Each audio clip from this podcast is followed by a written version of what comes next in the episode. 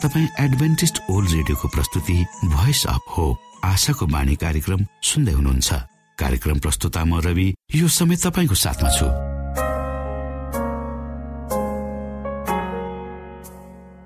आफ्ना कामहरू अनि व्यस्ततालाई एकातिर राखेर हामीसँग केही समय बिताउने क्रममा यहाँ हुनुहुन्छ। हामी यहाँलाई हाम्रो कार्यक्रममा सहभागी हुनका लागि अनुरोध गर्दछौ।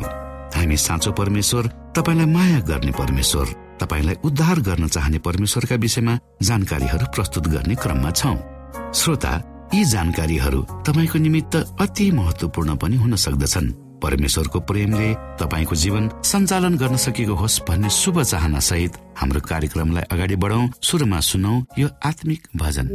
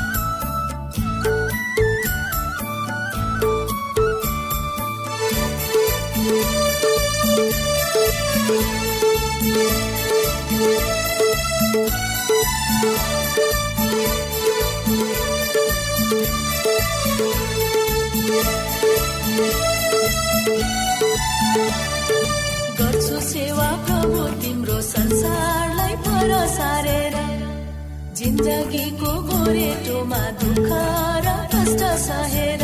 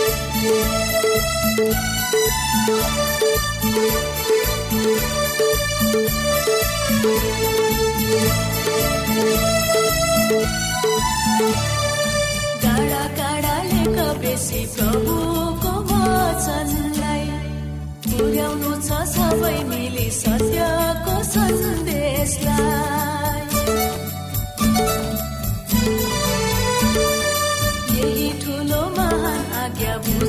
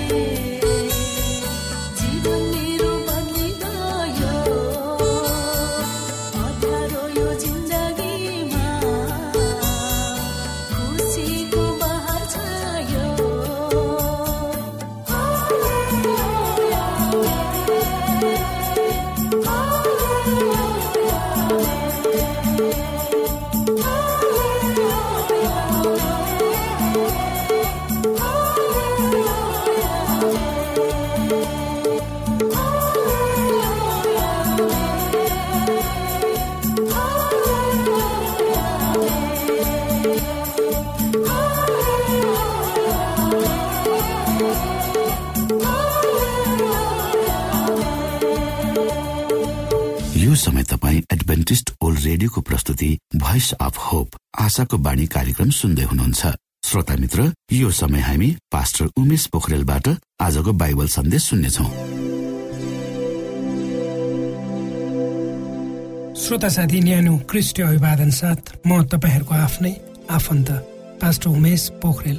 परमेश्वरको वचन लिएर यो रेडियो कार्यक्रम मार्फत पुनः तपाईँहरूको बीचमा उपस्थित भएको छु। श्रोता आउनुहोस् हामी केही समय परमेश्वरको नजिकमा हाम्रो समय बिताउँ। मलाई आशा छ तपाईँका जीवनका सम्पूर्ण पक्षहरू परमेश्वरको अगुवाईमा ठिकठाक रूपमा अगाडि बढ्दैछन् र परमेश्वरको आशिषको अनुभूति तपाईँले आफ्नो जीवनमा गर्दै हुनुहुन्छ। आजको प्रस्तुतिलाई पस्कनुभन्दा पहिले आउनुहोस् हामी परमेश्वरमा अगुवाईको लागि प्रार्थना गरौँ। जीवी जिउँदो महान दयालु परमेश्वर प्रभु यीशु हामी धन्यवादी छौँ। यो जीवन र जीवनमा दिनुभएका प्रशस्त आशिषहरूको लागि यो रेडियो कार्यक्रमलाई प्रभु म तपाईँको हातमा राख्दछु। यसलाई तपाईँको राज्य महिमा र को प्रचारको खातिर यो देश र सारा संसारमा प्रयोग गर्नुहोस्। यसबाट धेरै मानिसहरूले तपाईँको राज्यमा प्रवेश गर्न सकुन्। सबै बिन्ती प्रभु यीशुको नाममा। आमेन।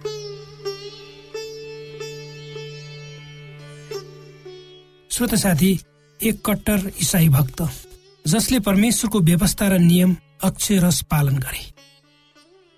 जसको उनी व्याख्या गर्न सक्दैनन् र उनी भन्छन् यदि कोही तपस्या वा अथक प्रयासद्वारा भिक्षु भएर स्वर्ग जान सक्छ भने त्यसमध्ये उनी पनि एक हुनेछन् र उनी आफ्नो विश्वासको खातिर आफूलाई बलि दिन पनि पछि पर्दैन थिए। तर कुरो के हो भने ती इसाई भक्तले धर्मको नाउँमा आफूलाई जतिसुकै समर्पित गरी मानवीय कार्यमा आफूलाई लगाए पनि परमेश्वरले उनलाई स्वीकार गर्नु भएको हो भनेर उनले आवाज कहिले पनि पाएनन्। अर्थात् उनले आफू आफ्नै कारणले मुक्तिको निम्ति योग्य छु भनी कहिले सोचेनन्। गधालाई जति धोए पनि त्यो गाई बनाउन नसके झै उनी पापी मानिस भएको र उनको आफ्नै योग्यता क्षमता बुद्धि र विवेकले उनी मुक्तिको हकदार हुन सक्दैनन् भन्ने उनले बुझेका थिए। यो कुरालाई बुझेर उनी एक दिन बडो उदास भए जसले उनको शरीर र मनलाई क्षत विक्षत गर्न थाल्यो र आफू पापी भएको कारणले पापको अन्तिम सजाय भोग्नु पर्छ भन्ने त्रासले उनलाई डह्रो गरी गाँचियो। एक दिन उनी पवित्र धर्मशास्त्र बाइबल पढ्दै हुन्छन् र उनको आँखा पवित्र धर्मशास्त्र बाइबलको रोमी एक अध्यायको सत्र पदमा पुग्छ र उनी उक्त पदलाई दोहोऱ्याई तेह्राई पढ्छन् जहाँ यसरी लेखिएको छ। किनकि सुसमाचारमा परमेश्वरबाट आउने धार्मिकता प्रकट भएको छ।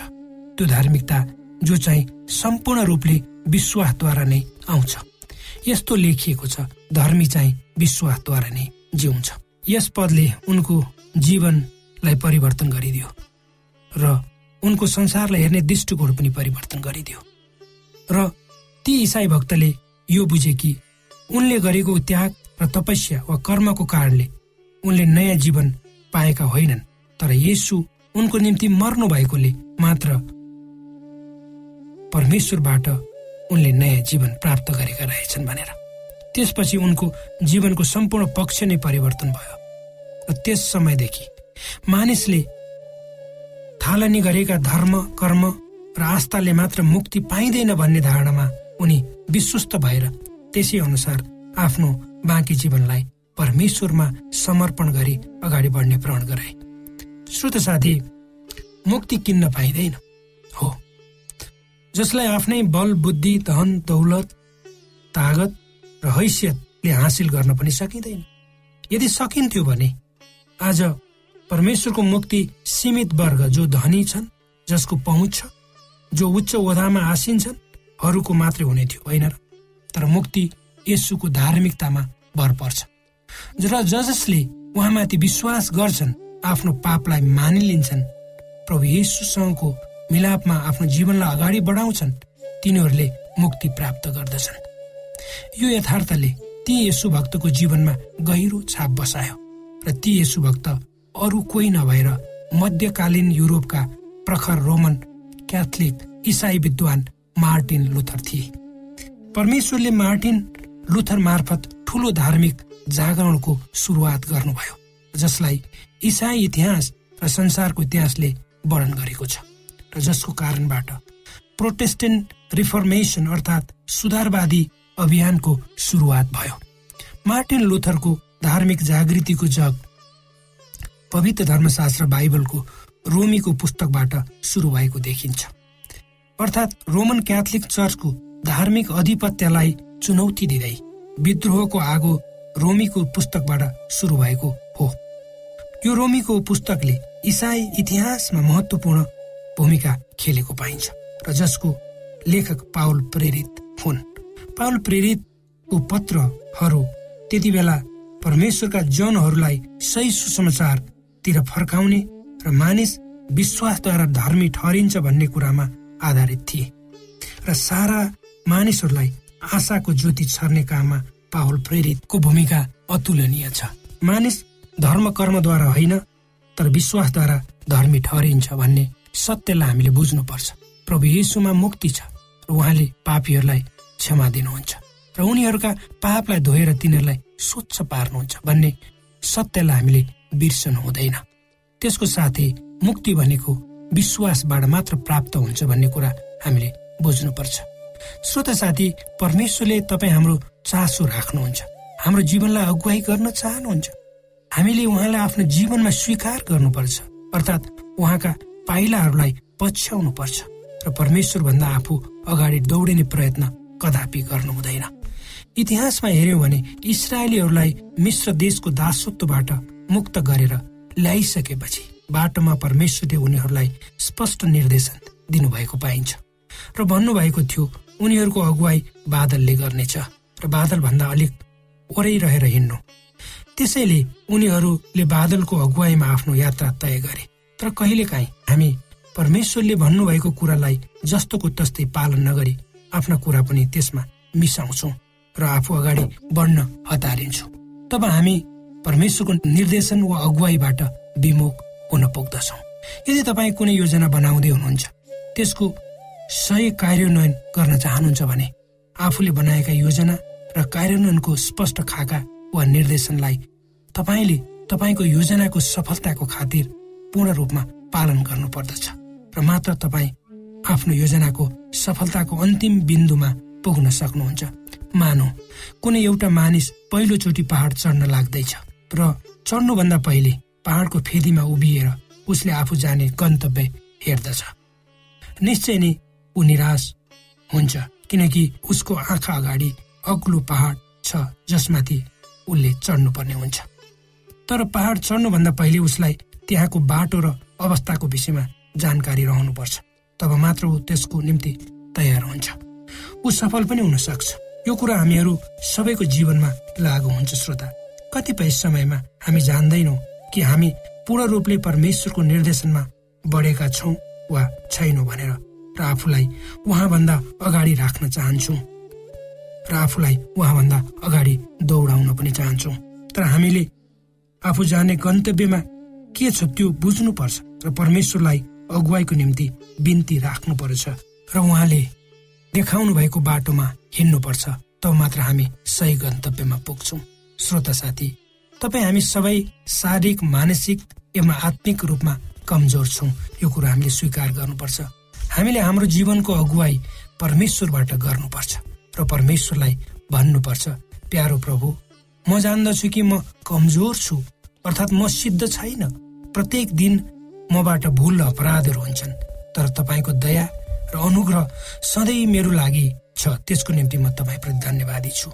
तपाईँले दिनुभएको सुन्दर र सुखी परिवार र प्रशस्त आशिषहरूको निम्ति म तपाईँप्रति धन्यवादी छु। परमेश्वरले उहाँको अनुग्रहलाई बुझ्नको लागि उहाँको प्रेमलाई बुझ्नको लागि हामीलाई अगुवाई गर्नुहोस्। यही मेरो प्रार्थना र कामना।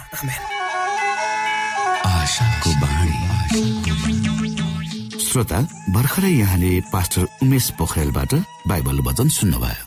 यो समय तपाईँ एडभेन्टिस्ट ओल्ड रेडियोको प्रस्तुति भोइस अफ होप आशाको बाणी कार्यक्रम सुन्दै हुनुहुन्छ।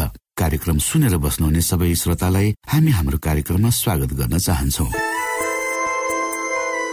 श्रोता मित्र यदि तपाईँ जीवनदेखि हरेस खानु भएको छ तपाईँका जीवनमा धेरै अनुत्तरित प्रश्नहरू छन् भने आउनुहोस् हामी तपाईँलाई परमेश्वरको ज्योतिमा डोहोर्याउन चाहन्छौ र तपाईँ आफ्नो जीवनका चिन्ता फिक्रीबाट निश्चिन्त हुनुहोस् र बाँच्नुको आनन्द परमेश्वरको सामिप्यमा कति मिठो हुन्छ त्यो चाख्नुहोस् भनी हामी चाहन्छौँ।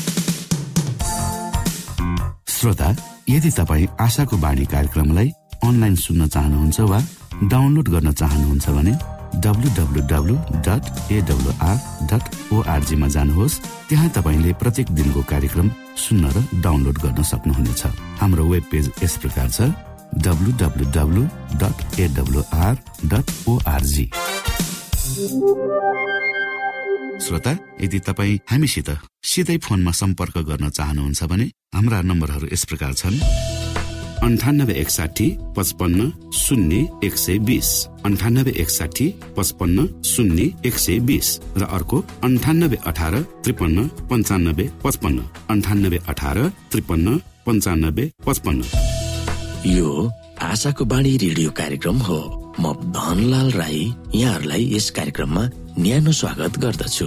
आजको समसामयिक विषयको प्रस्तुतिमा उद्देश्य प्रेरित पुनर्जन्म देश देशभरका आत्मा परिवर्तनका कथाहरू प्रस्तुत छ। स्वीकार्नुहोस्। आजको कथा लेपानी कुरु डुवा डुवा फिजी। श्रोता एक दिन फिजीको गाउँ नाकरानीको चर्चमा लेपानी मर्मतको काम गर्दै थिए। त्यस बेला अवकाश पाएका स्कुलको शिक्षक लेपानीको दाहिने खुट्टा अचानक छुरीले काट्यो। उनको घाउ चाँडै निको भएन। उनलाई डायबिटिज अर्थात् मधुमेह रोग भएकोले उनको घाउ झन झन बढ्न थाल्यो। आखिरमा डाक्टरले उनलाई भने कि उनको खुट्टा काट्नुपर्छ। अपरेसन पछि लेपानी महिनौसम्म ओछ्यानमा परे। आफ्नो जीवनको बारेमा उनले सोच्न थाले।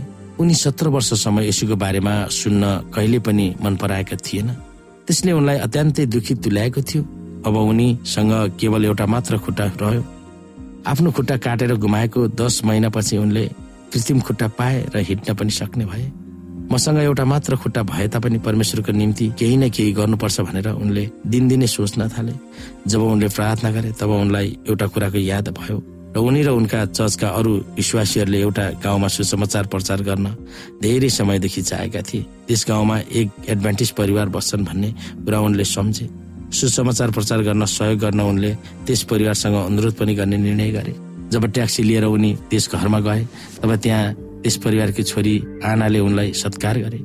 जुन परिवारले उनलाई सहयोग गर्ने आशा राखेका थिए ती परिवार अर्थात् आनाका बुबा र आमा अर्कै नाडी भन्ने टापुमा सरिसकेको कुरा आनाले सुनाइन्।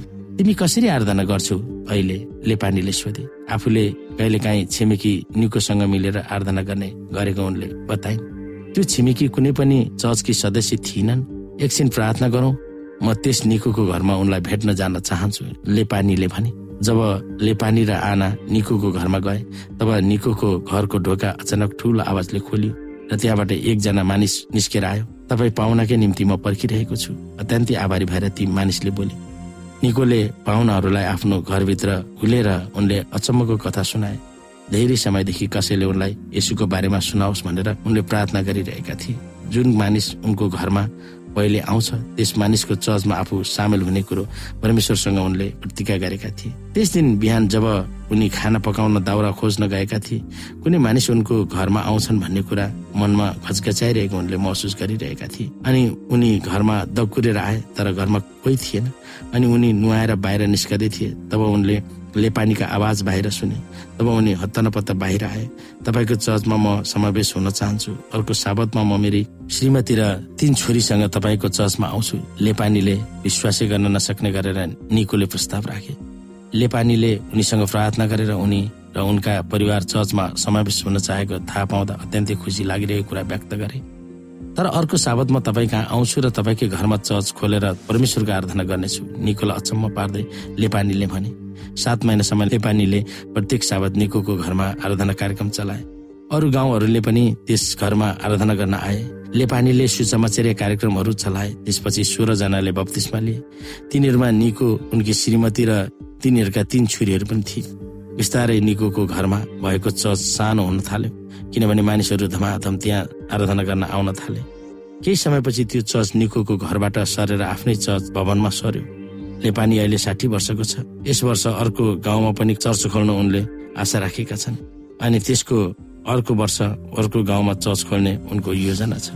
आफ्नो खुट्टा गुमाएकोले आफ्नो जीवन परिवर्तन भएको लेपानीले यस लेखकलाई सुनाएका थिए। जब मसँग दुई खुट्टाहरू थिए त्यस बेला मैले परमेश्वरको निम्ति केही पनि गर्न सकिनँ। आज एउटै खुट्टाले परमेश्वरको निम्ति काम गर्न सकेको छु। मैले खुट्टा गुमाएपछि मात्र मैले के गर्नुपर्ने हो सो गर्नुपर्छ भनेर मैले महसुस गरेको छु। हसिलो भएर आफ्नो मनको कुरो उखाउँदछन्।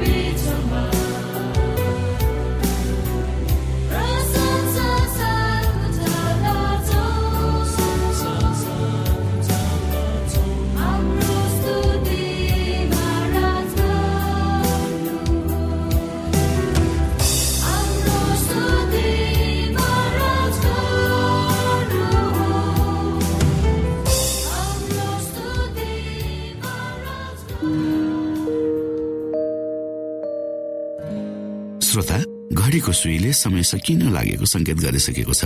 श्रोतासँग अरू समय बिताउने चाहना हुँदा हुँदै पनि हामीले कार्यक्रमबाट विदा माग्ने समय आइसकेको छ।